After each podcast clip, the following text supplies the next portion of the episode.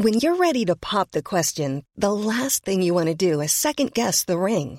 At Bluenile.com, you can design a one of a kind ring with the ease and convenience of shopping online. Choose your diamond and setting. When you find the one, you'll get it delivered right to your door. Go to Bluenile.com and use promo code LISTEN to get $50 off your purchase of $500 or more. That's code LISTEN at Bluenile.com for $50 off your purchase. Bluenile.com code LISTEN. Hey, I'm Ryan Reynolds. Recently, I asked Mint Mobile's legal team if big wireless companies are allowed to raise prices due to inflation. They said yes. And then when I asked if raising prices technically violates those onerous two year contracts, they said, What the f are you talking about, you insane Hollywood ass? F- So to recap, we're cutting the price of Mint Unlimited from $30 a month to just $15 a month. Give it a try at mintmobile.com slash switch. $45 upfront for three months plus taxes and fees. Promo for new customers for limited time. Unlimited more than 40 gigabytes per month. Slows. Full terms at mintmobile.com. A lot can happen in the next three years. Like a chatbot may be your new best friend. But what won't change? Needing health insurance. United Healthcare Tri Term Medical Plans are available for these changing times. Underwritten by Golden Rule Insurance Company, they offer budget friendly, flexible coverage for people who are in between jobs or missed open enrollment. The plans last nearly three years in some states, with access to a nationwide network of doctors and hospitals. So, for whatever tomorrow brings, United Healthcare Tri Term Medical Plans may be for you. Learn more at uh1.com. Vi är denna vecka sponsrade av Indie Beauty. Och Sofie, det här tycker jag är extra fint och extra roligt. Ja men Indie Beauty är ju ett skönhetsvarumärke som jag tror att väldigt många känner till, men det jag älskar mest, det är att Indie Beauty liksom vill vara mer än bara produkter, vilket de ju också är. Exakt, Indie Beauty står ju för Independent Beauty, skönhet på dina villkor och för din egen skull. Och Indie Beauty tror ju stenhårt på ett alternativt skönhetsideal fritt från måsten, skam och känslor av otillräcklighet. Där är jag helt med Indie Beauty. Jag med. Det är så jag vill att skönhet ska vara. Ja men verkligen. Och vet du vad som är nytt för i år Sofie? Berätta. Från och med i år så skänker Indie Beauty 1% av sin försäljning till Suicide Zero, Tjejzonen och Djurens Rätt. Så när man handlar produkter från Indie Beauty så kan man liksom känna att man också ger tillbaka till samhället. Ja, kraften i tillsammans. Ska jag säga en sak nu då, som Mm. jag, det, men det är detta jag är extra glad över. Nu har Indie Beauty tagit fram en keps och den tycker jag ändå så på sommaren, skydda sig från solen, Jättebra, jag älskar kepsen. men det bästa, de bidrar till Suicide Zeros viktiga arbete för att minska antalet självmord och självmordsförsök.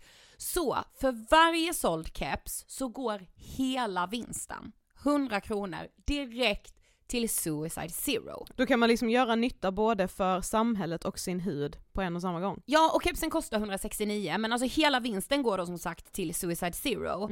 Så om man vill göra skillnad när man är där ute i solen, nu när den börjar titta fram, då ska man välja den här kepsen. Den säljs exklusivt på indiebeauty.se och på Apotea. Tillsammans kan vi skapa en ljusare framtid. Vi ses med kepsarna på! Tack Indie Beauty. Vi är sponsrade av Mindler och som ni säkert vet sedan tidigare så är vi ju ute på psykologresan tillsammans. Men hur vet man egentligen när det är dags att söka hjälp? Ibland uppstår saker i livet som kommer utmana oss och kännas tufft. Det mesta självläker vi oss igenom, för vi är menade att ta oss igenom en viss mängd påfrestningar. Men ibland behöver man professionell hjälp för att ta sig ur jobbiga perioder i livet. Men vart går då gränsen? Vad är en del av livets skavighet och när är det läge att söka hjälp? Det sägs till exempel att stress är farligt, men att det också kan vara bra. Alla sover dåligt ibland, så när har man egentligen sömnproblem? Ångesten kommer väl krypande för de flesta någon gång. Så när ska man se ångesten som outhärdlig? Hur vet jag? Med oss som psykolog har vi såklart min gamla psykolog Linnea Seidbrant. Men Linnea, vad är egentligen utmattningssyndrom? Utmattningssyndrom är en konsekvens av svår och långvarig stress utan möjlighet till återhämtning. Vi är ju då skapta för att klara av stress, men vi behöver också återhämtning. Om du utsätts för för mycket stress under en lång period utan att du får till den nödvändiga återhämtningen så kommer kroppen till slut att säga ifrån. Och det är faktiskt så att alla har en gräns.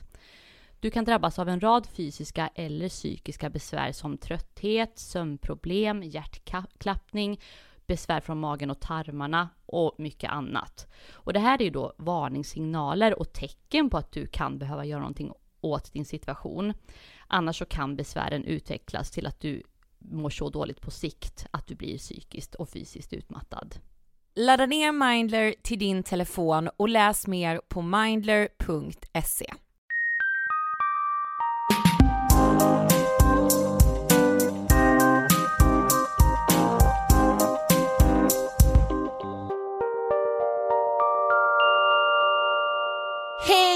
gänget och hjärtligt välkomna till Ångestpodden och avsnitt 117! Hej från en sprillans ny poddstudio! Jag vet inte vad jag ska säga. Jag kan säga att jag trodde aldrig att jag skulle kunna säga detta. Tårarna är nära känner jag. ja, ja. Nej men alltså allvarligt, Mm. jag är verkligen så här. Jag känner mig helt upprymd av detta faktum att vi i detta nu sitter i vår sprillans nya poddstudio. Mm, det känns fantastiskt. Är den är så fin. Mm. Ni kan se bild på den på Instagram. Yes, På- där heter vi Angestpodden. Exactly. Okej fy fasen vad vi är klämkäcka i början på det här avsnittet känner jag. Så, det kan man väl få göra ibland, vara lite klämkäck. Ja, gud ja. När vädret ändå är så här. Mm. Ska vi ge oss in i väder? Nej, vi ska väl bara skita i det antar jag. Tror vi ska det va? Mm. Men du Sofie, hur har du haft det i påsk? Skit har jag haft det. Jag har ju legat i sängen hela påsken. Jag har aldrig haft en så dålig påsk i hela mitt liv tror jag. Nej, men- men men det, alltså det var behövligt. Jag mådde skit men eh, nu är jag bättre. Och jag hade nog inte mått bättre om jag hade gett mig ut. Nej. Så jag har eh, jag har tittat på filmer, jag har plöjt lite serier och bara tagit det lugnt. Alltså man får ju försöka se det från den ljusa sidan. Det är ju skönt att verkligen ta det chill. Sen är det ju inte kul att vara sjuk. Men eh, det var ju skönt att bara, jag känner att jag är, jag är så utvilad som en människa kan vara. Oj, ja. Mm. Jag är verkligen tvärtom. Jag sa precis det, jag skickade ett sms nyss där jag liksom skrev fel Mm. och avslutade smset med haha jag är så jävla trött. Ja, och det var inte till en person som du känner jätteväl. Nej. Ah, anyway, Ja. min påsk, du har inte ens frågat, jag går in på min egen påsk ändå. Hur var din påsk Ida? Min påsk var faktiskt väldigt kul. Mm. Så jag har haft en skithärlig påsk. Men vet du vad, jag har förföljts av en tanke. Nej. Eller så här, ett gammalt minne som har spelats upp för mig, alltså om och om och om igen. Okej. Inte som ett trauma, det låter det som, men mer så här, jag har så här varit i det här minnet, jag ska berätta. Mm. Eh, jag har den här appen Timehob, vi är inte sponsrade, obs. Eh, men där får jag upp saker som har hänt så här på den dagen där, det datumet, då får jag upp alltså, det som jag har gjort i sociala medier, typ så här, Facebook, Twitter, Instagram, den interagerar med alla mina liksom, sociala medier. Och så ser jag bara, ah shit för tre år sedan var jag här den här dagen, eller för ett För år fyra sedan. år sedan skrev jag detta på Twitter och bla bla. Precis. Eh, mycket quotes skrev jag på Twitter för fem år sedan kan jag säga. Okej. Ja men i alla fall, då får jag upp så här, för sex år sedan, så eh, har vi tagit en bild du och jag och vår kompis Vickan. Det är på oss. Vi skulle till Kalmar för vi skulle kolla på EMD, alltså Danny, Erik, Mattias och Danny. Eh, och vi hade ju faktiskt jobbat med deras eh, United Stage, vi hade jobbat med deras street team som det Exakt. kallades. Så vi hade jobbat med marknadsföringen för den här konserten i Kalmar. Alltså vi var så taggade. Nej men det var ju beyond Mm. Vi words. var ju också jävligt stolta för att den här Mm. konserten blev typ slutsåld. Eh, och att få jobba för sina största idoler är ju Ja. liksom, det är väl allas dröm i Ja, livet liksom. 17 år, skulle på roadtrip typ. Ja, det Eh, var ju stort att det var ju bara att Fridas mamma körde. Jo men det var det är ändå ändå. stor grej att åka iväg över helgen någonstans. Ja, när man är så är det verkligen det när man går Ja. andra året på gymnasiet. Men vadå, det är väl ändå lite, det är, väl, det är ju en större grej än att bara vara hemma. True. I alla fall. Vi ska åka iväg, vi tar en bild. En, alltså vi såhär verkligen duckface och har ni vet såhär när man har fing, nu låter detta helt sjukt när jag säger att man har fingret i munnen men ni vet såhär man har typ fingret på läppen. Man har ju här fingret Bara, vilandes på läppen. exakt så. Mm. Och som, som lite såhär bara, mm, ja jag är så snygg, det är liksom den. Mm.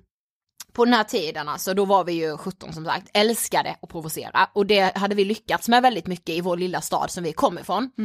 Men då tog vi i alla fall den här bilden eh, och så skrev vi så här under bara snygga, taggade, nej men jag kommer inte ihåg riktigt men så här peppade? frågetecken, eh, taggade? frågetecken, snygga? frågetecken, svar A, bara ett A, punkt. Alltså vi la väl upp det lite såhär bara, det var ju liksom inte gravallvarligt. Nej det var ju, Ihåg? det var ju liksom skämt åsido fast vi menade ju det vi sa liksom. Ja men precis, vi Ja. var taggade, vi tyckte vi var skitsnygga så här. Ja. Det kan, är det så fel som Nej, Mikael Ginder säger? Är det så fel? Mm, anyway.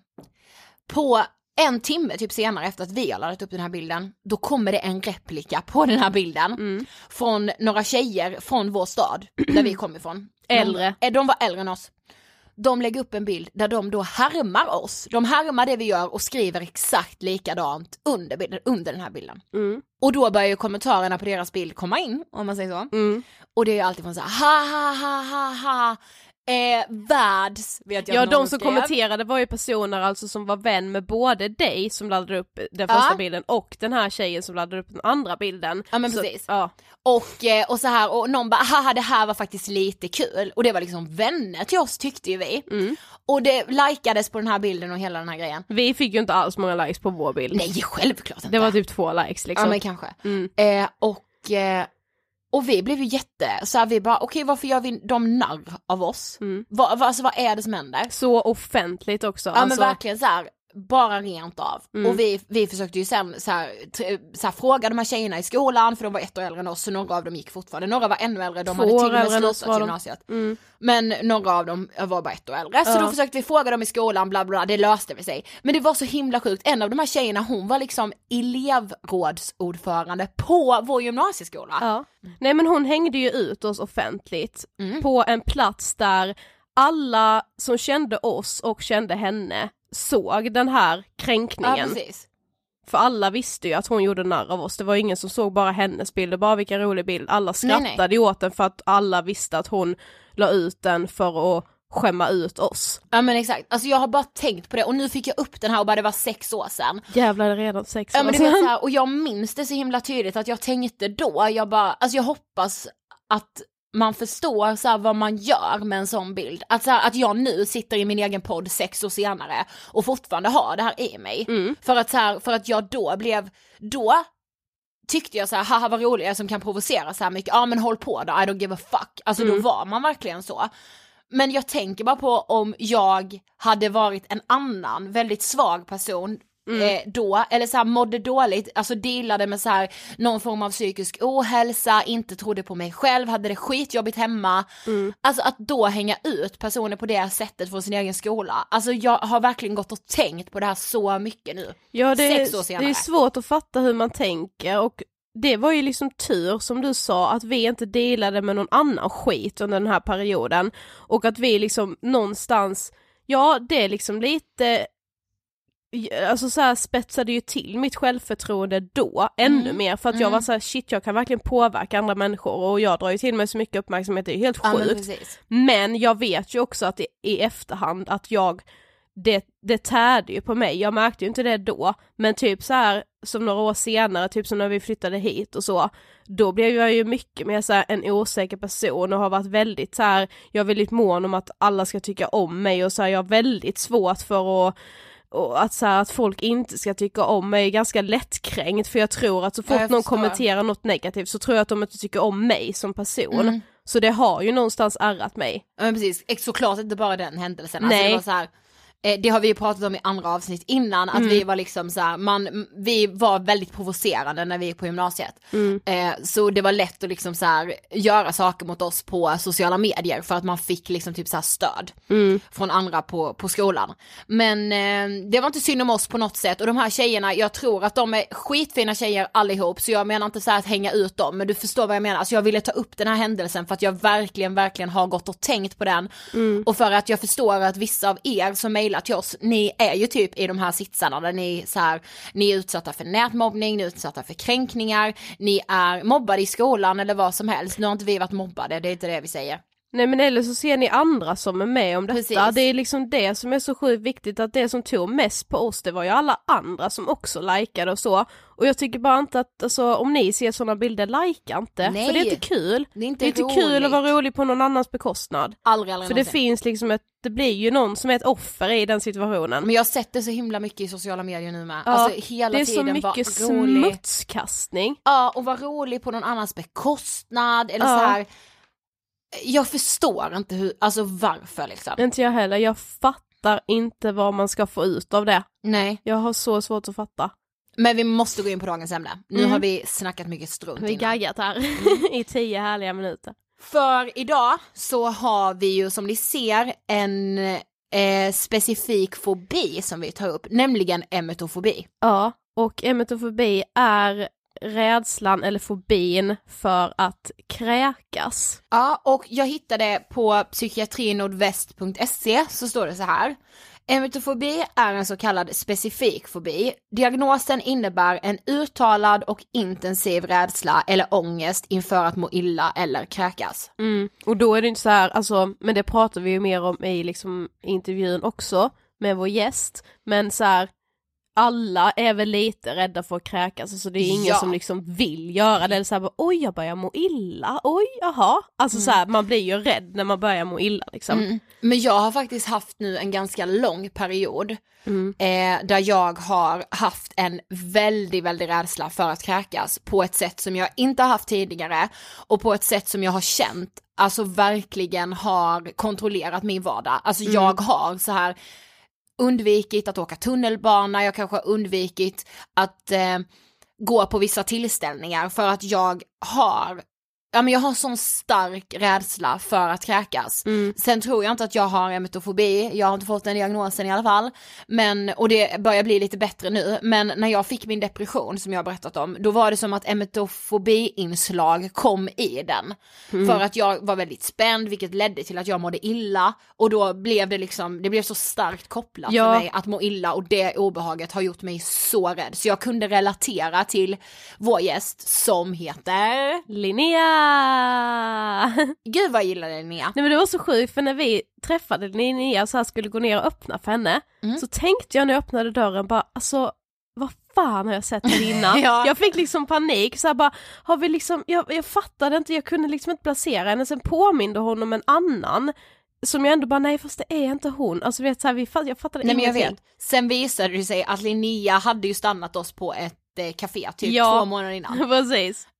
det, var, det var faktiskt jättekul. Ja. Eh, men jag tror inte vi ska prata så mycket mer. Nej, ni får höra om eh, Linneas eh, historia och emetofobi helt enkelt. Eh, och vi vill passa på att säga att som sagt så är det här eh, Linneas egna berättelse, så alla har säkert helt egna erfarenheter och olika uppfattningar av eh, emetofobi.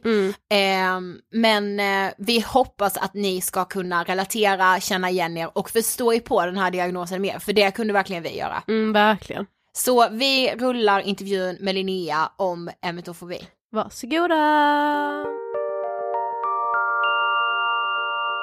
Hej Linnea och välkommen till Ångestpodden! Hej och tack så jättemycket.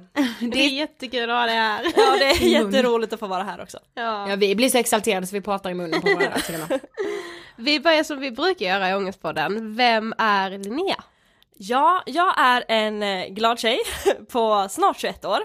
Som jag älskar och känner mig produktiv och driven och göra saker. Men som också väldigt lätt blir orolig och nojig och rastlös.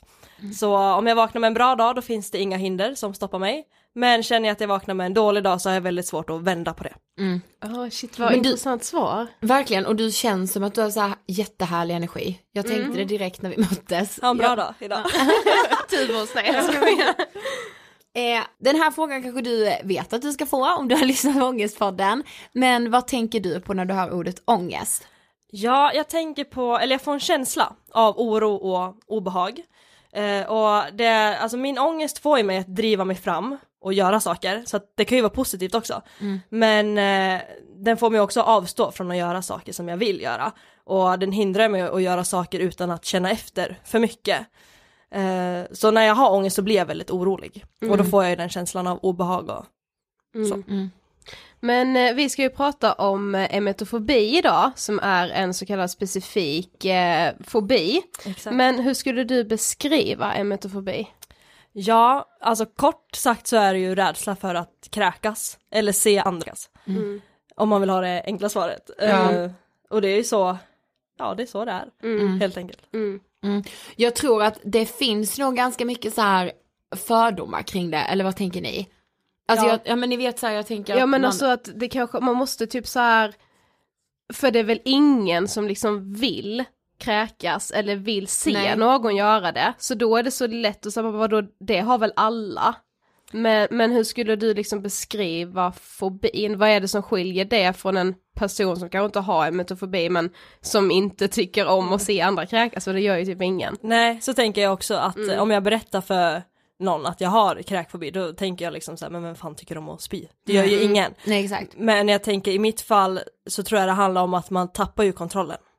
Och kroppen tar ju liksom över. Mm. Och jag tänker nästan att liksom så som man mår innan man spyr, det kan man ju inte göra någonting åt. Det är ju jättesvårt att liksom, det ska ju ut, så är det. Mm. Och ja, vissa tycker ju att det är värre än vad andra tycker. Ja men verkligen. Men så här, är det så här en ständig rädsla som finns hos dig eller kan det så här variera från dag till dag, eller perioder, eller hur liksom ter det sig? Den finns där varje dag i allting jag gör, men det är också vissa perioder är bättre än andra. Och från dag till dag också, har jag en bra dag så kanske jag tänker mindre på det. Och har jag en dålig dag så får väl liksom, det är ju ångest så att den tar väl över mer. Mm. Men eh, ja, jag skulle säga att den finns där i alla så här vardagliga saker man gör, på bussen och överallt. Mm. Men finns det situationer som är extra svåra att hantera? Ja, men jag tycker att det är jobbigast när det är bland folk, alltså sociala. Det är lite som agorafobi, typ att man är rädd att få en panikattack liksom. Mm. Ehm, och för är jag själv, då är det bara jag liksom. Och det blir alltid värre tycker jag när jag är bland folk. För att bland folk så kan ju även andra kräkas. Det behöver inte alltid alltså, handla om att jag själv Nej. ska göra det. Utan är jag på en konsert eller på ett flygplan då kan ju inte jag kontrollera varken om jag måste kräkas eller om någon annan ska göra det. Mm. Så jag skulle säga att det är värst bland folk. Och kommunaltrafiken och så. Mm. Just för att det handlar om alla andra också. Där kan ju inte jag göra någonting. Nej precis. Men eh, hur gick det till då, alltså så här när du fick veta att du hade emetofobi? Ja, eh, alltså jag brukar säga att jag, att det började när jag var tio ungefär. För att det är då jag minns det. Men då tänkte jag nog inte på att det var kräkfobi utan jag var bara väldigt medveten om att jag var rädd för det. Och när vi skulle åka utomlands med familjen när jag var, ja men gick i lågstadiet typ, då sa jag att jag inte ville följa med för att jag var rädd att någon skulle kräkas. Men att jag, alltså på typ flyget eller så. Men jag tänkte inte så mycket på det, jag följde ju med ändå. Ja. Men sen tänker jag liksom ju äldre man blir så kan man ju också reflektera mer. Mm. Och ja, jag har inget så här, där började det. Men eh, jag har ju haft det nu i, i tio år. Mm. Väldigt starkt liksom. Mm. Det är så intressant för det hade vi typ inte själva tänkt på så vi tänkte ju mer att det var så att men man är rädd själv för att kräkas. Mm. Men vi har inte tänkt på att man kan vara rädd för att någon i ens omgivning också ska göra det. nej.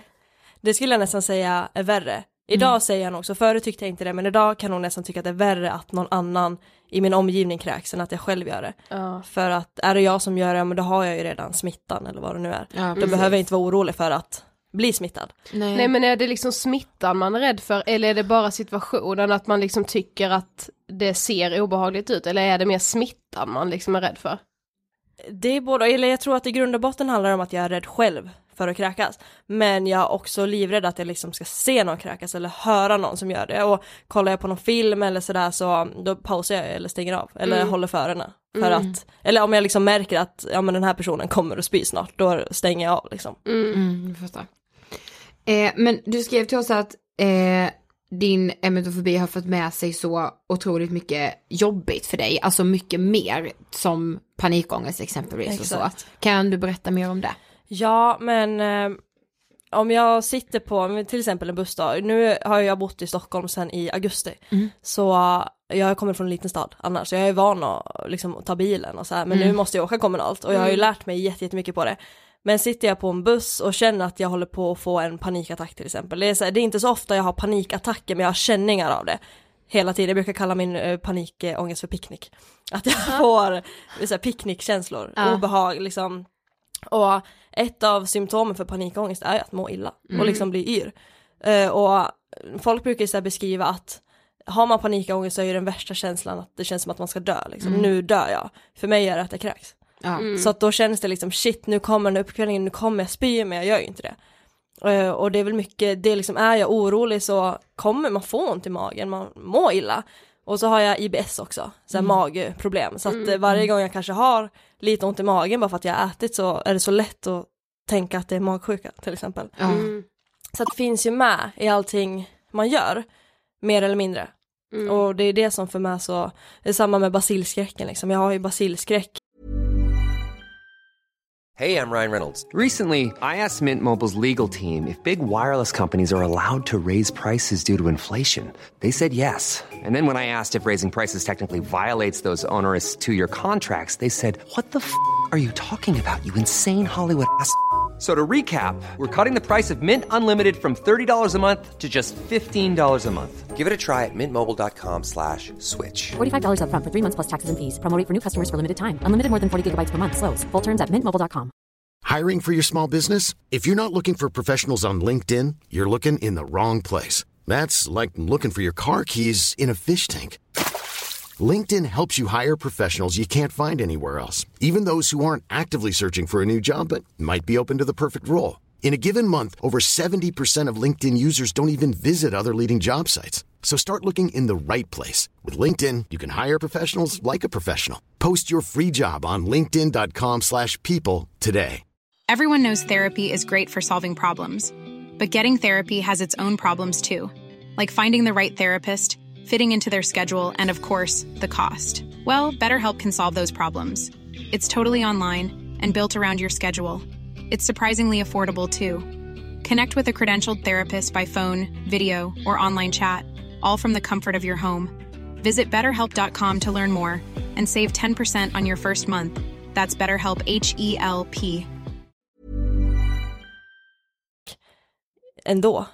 Det är liksom öppna dörrhandtag och trycka på stoppknappen på bussen. Men så här, det finns överallt. Och har man typ en jobbig dag då blir ju alla de där stegen tuffa att ta. Ja, precis. Men har du känt att du så här har isolerat dig på grund av din emetofobi? Har du liksom haft perioder där du så här har stått över och träffa vänner och gå på konserter och göra sånt där som man gör i sociala sammanhang? Inte så mycket faktiskt, ibland. Ofta så gör jag saker ändå fast det är jobbigt och det är jag jätteglad att jag gör. Det är så, bra. Jag bara, så starkt. Ja men att Ja. jag, jag var i London för någon vecka sedan och att jag satte mig på det där flygplanet fast jag tyckte att det var skitjobbigt. Eller att jag går på den där konserten. Jag gör ju faktiskt saker. Eh, Och vissa gånger blir det jobbigare än andra. Men jag tror mer var när jag gick där i lågstadiet, men då var jag liksom allmänt en osäker person. Då ville jag inte följa med på typ klassresor och sånt för att jag var rädd att någon skulle spy på vägen dit. Men annars så undviker jag faktiskt inte så mycket saker. Så bra. Mm. Verkligen. Men som sagt så sa du det att det typ började när du var tio år. Men var det någon så här speciell händelse eller någonting som du kommer ihåg som så här, ja men där du tänkte så här att oj vad jag är rädd för det här, jag liksom, jag är orimligt rädd. Nej det är ingen, det är liksom ingen så speciell händelse där jag förstod att nu är det illa. Nej. Men jag har väldigt, väldigt många minnen och så bilder i huvudet från att man har sett någon spya på gatan eller så här, första gången jag gick på bio så var det en som spydde i salongen och då vågade jag inte gå på bio på flera år och så här. Så att jag har väldigt mycket minnen, det känns som att jag liksom alltid råkar ut för att se den där spyan typ. Eh, och det minns jag som liten att jag tyckte var jättejobbigt. Att, eh, ja, men typ jag var på Liseberg någon gång och skulle åka en karusell och så låg det någon spya där så då vågade jag inte åka. Lite sådana saker som jag minns väldigt, väldigt tydligt. Men eh, det var väl kanske, jag började ju gå en kurator när jag var 15. Och det var väl nog där och då skulle jag säga som jag fattade att det är ju inte, det är ju inte rimligt. Nej.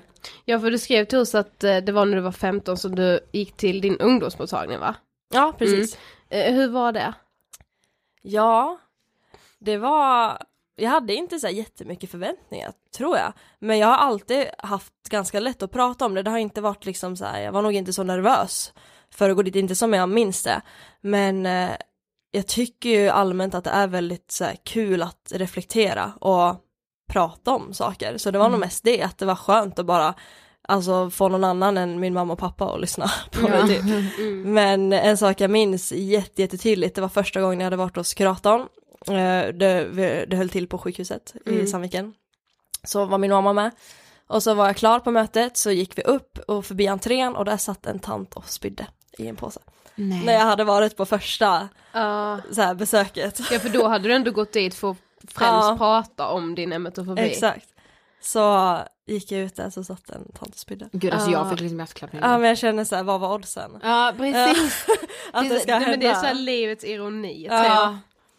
Men, men innan du, alltså så här, ja när du var 15 så gick du dit, men hade du så här innan känt att du var konstig på något sätt? Eller känt så här att, ja men förstår du, att, Mm. att du liksom var typ konstig? Nej, inte som jag minns det. Skulle jag inte säga, och inte liksom av den anledningen att jag var rädd att spy. Nej. Det tror jag inte. Nej. Men eh, alltså hur ser vården ut då kring emetofobi? Vet du det? Alltså vad gav de dig för tips liksom? Vad sa de när du gick dit och bara men jag är rädd för att spy? Ja, man pratar väl liksom om känslor. Så här, vad är det som, hur kan det vara så? Och vad finns det för olika, liksom, vad är det som är så jobbigt med det? Men jag skulle nog säga att jag tror att det vanligaste det är att man går KBT. Eh, Och det har inte jag gjort. Jag har gjort så här KBT-övningar och lite sånt men jag har inte gått en hel behandling. Utan vi har mest bara så här, jag har oftast bara fått prata ut hur det känns. Sen har jag, ibland har jag haft lite så här hemuppgifter och sånt men oftast så har jag gått dit och pratat och sen har jag gjort saker ändå. Alltså vid sidan av, utan att det är hemuppgifter så gör jag ju saker. Mm. Så att, eh, men för mig har det funkat ganska bra liksom att bara få prata ut om det. Och kuratorn går hos just nu så pratar vi ganska mycket om att vara trygg och otrygg. Att i otrygga situationer då får jag ont i magen och mår jag illa och mm, liksom gå tillbaka till hur var jag som barn, var jag trygg, var jag otrygg? Att man reflekterar mer, det kanske inte ens är kräkfobin det sitter i. Nej, precis. Lite sånt. Mm. Och det tycker jag är skitintressant Verkligen. att prata om. Mm. Mm. Men eh, vad kan en så här otrygg situation vara? Eh, men det är lite så här öppna ställen där det är mycket folk. Eh, men som sagt, vissa dagar går det ju jättebra och nu efter att jag har bott här i Stockholm ett tag så nu är det ju ingen liksom big deal att åka en buss. Det Nej. fixar jag ju. Men eh, flygplan, alltså det, men jag skulle säga så här, saker som jag inte gör, saker som inte är vardag, till Ja. exempel att åka flygplan, blir jobbigare än att sitta på en buss, för nu är ju buss vardag. Ja, jag men bor i Nacka liksom, så jag måste liksom. ta bussen in. Ja. Så att, eh, ja men så här, saker jag inte gör så ofta Mm. blir ju nervös, och så är det väl för alla liksom att man blir nervös, men när jag blir nervös så kan man ju må illa, det är lite svårt att äta, man får ont i magen. Mm. Och då är det så lätt att, Men det känns ju med som så här illamående är en så lätt sak att typ trigga igång själv. Mm. Alltså tänker man att må, man mår illa så gör man det mycket enklare. precis. Och har man då det så här, men nu har jag ont i magen och så är man rädd för det så Mm. klart att det liksom, man blåser upp det hela själv mycket Mm. för att man liksom börjar tänka på det alldeles för mycket. Exakt. Och det finns ju så många olika anledningar man kan må illa Mm. för. Det Precis. behöver inte vara magsjuka. Nej, Nej, precis. men, precis. Ja. Men eh, på vilket sätt skulle du säga att din eh, emetofobi försämrar din vardag? Jag skulle nog säga att det är för att den ligger där och liksom gnager varje dag. Ibland försöker den liksom stoppa mig. Och det är ju skitdrygt att, Ja den, att den gör det. Mm. Men eh, det är nog just det här att, för jag gör ju saker som sagt. Jag sitter ju inte hemma och ballar ur liksom en minut innan. Men den ligger ju där och den får mig att överanalysera och tänka för mycket och känna efter framför allt. Och ha typ någon i min närhet spytt så frågar ju den personen liksom tio gånger, alltså är du frisk, är du verkligen frisk eller mår någon illa, så här, ja men mår du bättre, kommer du spy, alltså att jag har väldigt, väldigt, väldigt kontrollbehov. Och det stör ju liksom i vardagen. Det är ju drygt för både mig och typ alla som får höra det. Ja. Men det är så här, det blir också typ som en, ja men det blir ju tvångstankar liksom, jag måste fråga, är den här personen verkligen frisk? Fast jag vet att jag kommer få samma svar som jag fick nyss. Ja, för en minut Ja, exakt. Ja. Men eh, alltså kan det vara så här också typ situationer eller händelser, så, händelser som kan trigga igång? Alltså, säg att du har haft en bra dag, men sen så händer det, alltså så här, finns det sådana saker som bara kan hända och då helt plötsligt så mår du jättedåligt. Ja, jag tänker när jag åker tåg. Mm. Eh, så jag brukar åka mycket mellan Stockholm och Gävle. Eh, typ varje vecka. Och då, så här, nu är jag ganska van att åka tåg och det går bra. Men får jag till exempel en plats baklänges så vill jag gå och byta plats. Även fast jag har en sittplats så sätter jag mig obokad för att få sitta framåt. Fast jag aldrig har blivit åksjuk. Men det är också så här bara för att det känns bättre. Ja. Eller om jag sitter på tåg och så tycker jag att personen bredvid mig, ja men den där ser ut att må lite dåligt och byter plats, då blir det ju panik liksom. Mm. Så att det här kontrollbehovet det är ju minst lika mycket på alla andra. Mm. Och det är ju det så här, jag vet ju att jag själv mår ju bra, men jag har ingen aning om den här personen mitt emot mig mår illa. Så kanske jag tänker att, ja men den där personen åker ju baklänges, så kanske den borde ju må illa. Fast Ja. det inte alls är något problem Mm. egentligen. Och då blir det så att då får jag en klump i magen, shit jag måste byta plats, jag måste ut härifrån. Mm. Mm. Men har du mött mycket fördomar kring din eh, emetofobi? Inte så mycket, alltså jag tänker så här, det är en sak som jag, eller jag tänker typ alla som känner mig vet att jag har det. Mm. För att eftersom det påverkar mig så mycket i vardagen så blir det liksom att man slänger ut sig det ganska fort.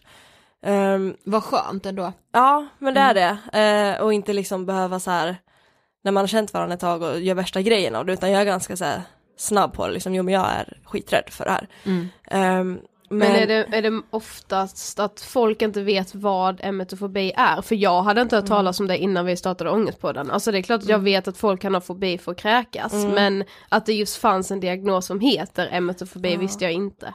Nej, och jag tror att väldigt, väldigt många inte vet om den. Och ändå är det en av våra vanligaste fobier. Mm. Men eh, det är lite så här, det är ju liksom, det är inte att jag skäms att prata om det, men ibland blir jag ju riktigt så här, fan jag pallar inte ta det här nu Nej. så här. Mm. Och jag vet inte om jag liksom skulle säga att jag möter fördomar, men jag kan tänka mig att folk tänker sig, ja men vem fan tycker om att spy, det är ju Mm. ingen, det är inget konstigt. Mm. Men att nu handlar det om något helt överdrivet. Mm, Ja, precis. precis. När det upptar ens vardag liksom. Exakt, så här, Mm. varje sak man gör går att koppla på ett eller annat sätt. Och så är det ju inte vanligtvis om man inte har det. Nej, Nej, precis. men precis. Eh, har du några knep som, alltså som kanske så här kan göra det lättare de dagar när din emetofobi gör sig verkligen påmind?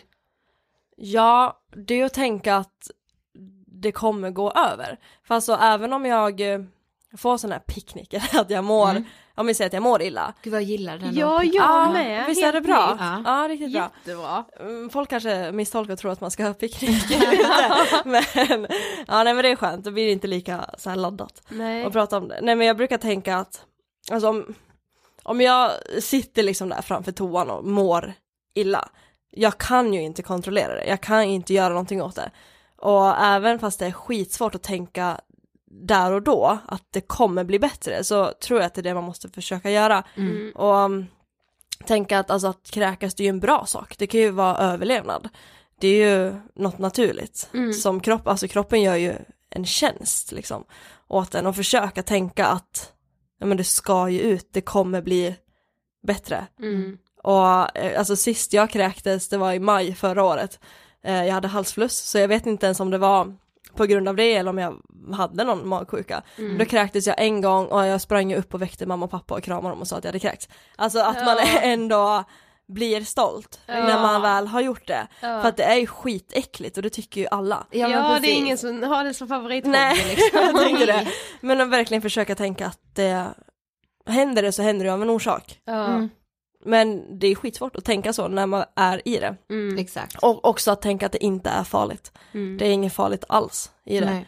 Eh, och sen om jag ska ge tips eh, till andra, alltså om det inte gäller en själv då, att man mår illa utan att någon i ens närhet gör det, eh, så tycker jag att det är väldigt viktigt att man inte själv tar på sig skulden för att man tycker att det är jobbigt. Mm. Om någon i min närhet kräks och jag inte kan hjälpa den så får jag ju såklart jättedåligt samvete. Mm. Men att försöka och inte ha det. Och att man kan kräkas av helt andra anledningar, alltså, det kan man ju göra av så många olika orsaker. Mm. Och det behöver inte, inte ens säkert att det smittas, en del kräks ju för att de är nervösa för saker. Ja, Ja, precis. precis. Och jag tänker det skulle jag aldrig kunna göra. Men, hoppas jag, för det har inte hänt än i alla fall. Men att, alltså att lita också på att folk i ens närhet har förståelse. Jag vet ju att min familj och mina närmsta vet att jag har det här. Och då får jag lita på det och liksom inte ta på mig skulden om jag inte kan hjälpa dem. Så bra. Nej men jag tycker det är så sant på så mycket Alltså Mm. det du sa så här, ja men lita på att andra har förståelse, för det kan Mm. jag känna att jag har så himla svårt för. Mm. När det kommer till att må så här psykiskt dåligt, alltså Exakt. man får ställa in ett möte eller man får göra något, man Mm. bara, nej nej nej, den personen skitsvårt. kommer inte fatta, den kommer inte fatta. Mm. Och sen när man väl har sagt det, den bara, gud jag förstår precis, Exakt. ta det lugnt, ta hand om dig. Ja. Och man bara, jaha. Man har ju aldrig, det har ju aldrig hänt att någon bara såhär okej, alltså Nej. det händer ju liksom Precis. inte. Nej men jag tänker att eh, man ska inte ha dåligt samvete för att det är jobbigt redan som det är. Ja. att ha kräkfobi. Så sant, du är så klok. Nej men helt galet. Alltså verkligen, jag har lärt mig så mycket. Men vi har kommit fram till sista frågan, Mm. vad inspirerar dig? Jo men jag blir väldigt, väldigt inspirerad av att prata om min egen kräkfobi.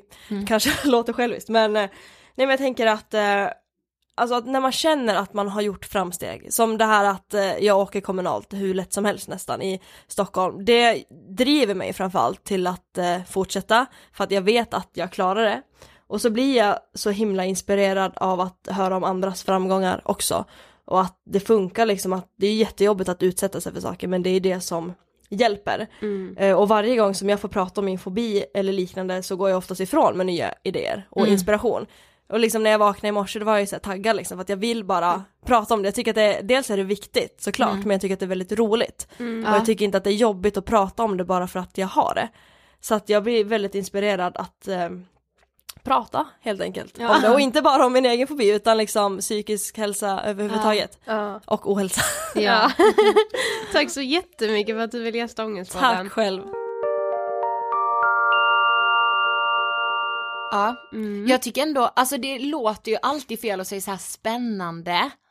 Men jag kände verkligen så här, jag älskar ju de intervjuerna när jag går från dem och bara, jag har lärt mig så mycket. Ja, precis. Det är ju det som blir spännande för man Mm. känner varenda gång när man har träffat de som vi poddar med att bara fan vad jag lär mig mycket nytt varenda gång jag sitter här och poddar. Nej men jag vet och det är spännande också att just få alltså mer förståelse. Mm. Det typ inspirerar mig känner jag. Mm. Ja, och plus att det finns så mycket som folk liksom kämpar med och tar sig igenom och jobbar emot liksom som inte syns. Ja! Man, ska, man får ju liksom inte glömma bort det. Nej jag vet. Det är liksom som det där citatet, vad är det nu Nora har på den där lappen på, i skam? Everyone, eh, Everyone is fighting a battle you know nothing about. Be kind always. så är det ja.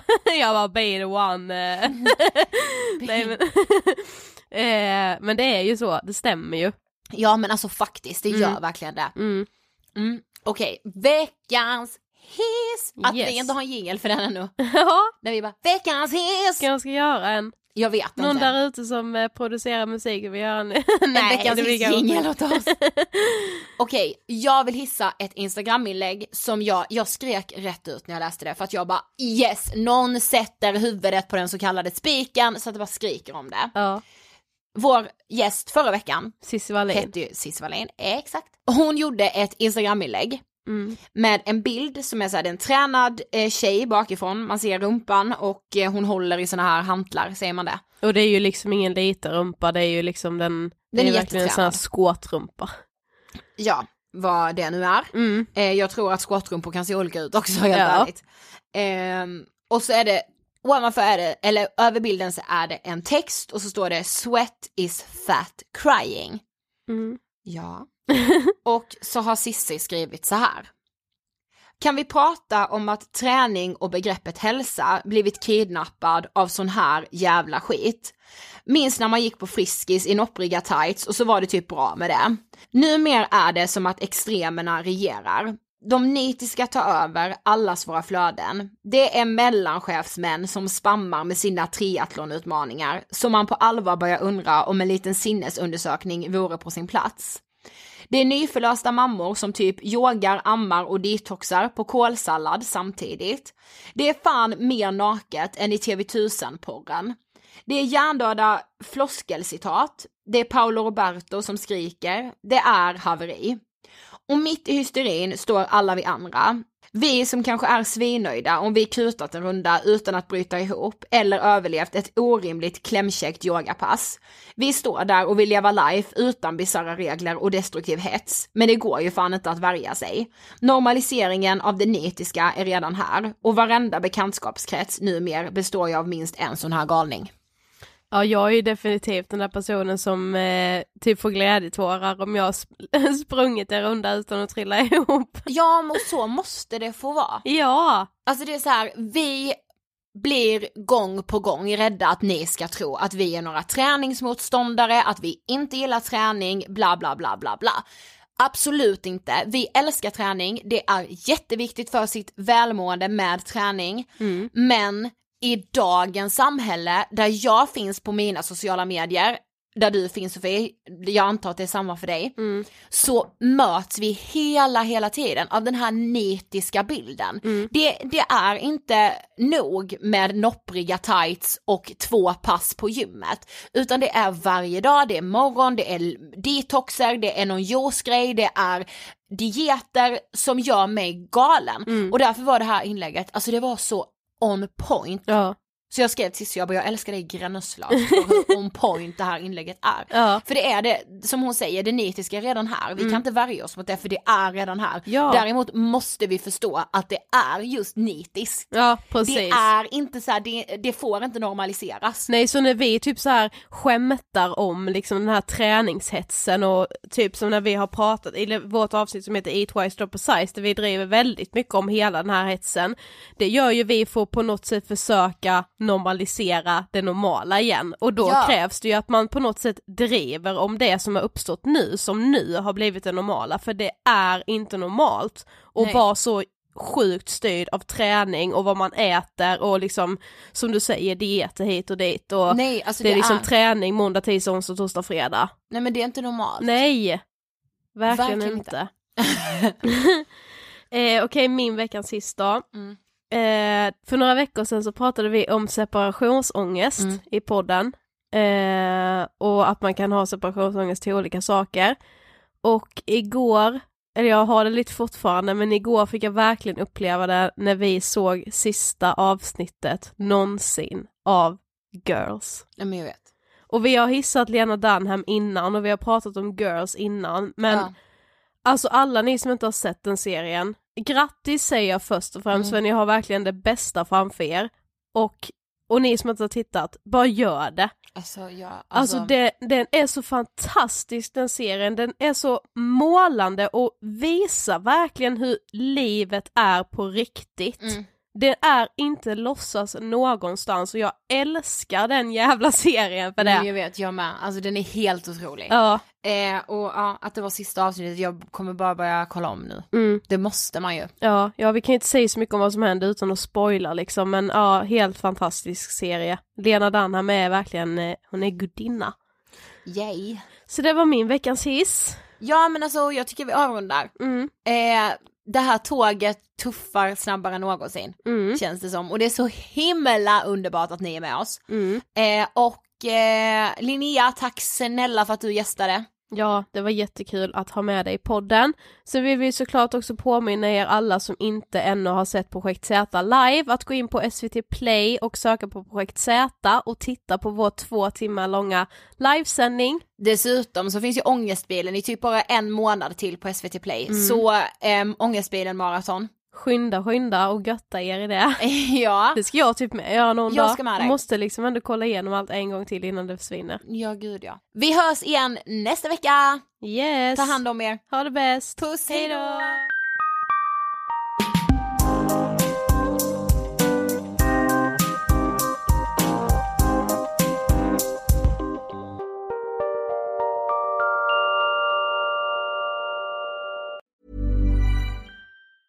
Mom deserves the best, and there's no better place to shop for Mother's Day than Whole Foods Market. They're your destination for unbeatable savings, from premium gifts to show-stopping flowers and irresistible desserts. Start by saving 33% with Prime on all body care and candles. Then get a 15-stem bunch of tulips for just $9.99 each with Prime. Round out Mom's menu with festive rosé, irresistible berry chantilly cake, and more special treats. Come celebrate Mother's Day at Whole Foods Market. Planning for your next trip? Elevate your travel style with Quince. Quince has all the jet setting essentials you'll want for your next getaway, like European linen, premium luggage options, buttery soft Italian leather bags, and so much more. And it's all priced at 50 to 80% less than similar brands. Plus, Quince only works with factories that use safe and ethical manufacturing practices. Pack your bags with high-quality essentials you'll be wearing for vacations to come with Quince. Go to quince.com slash trip for free shipping and 365-day returns.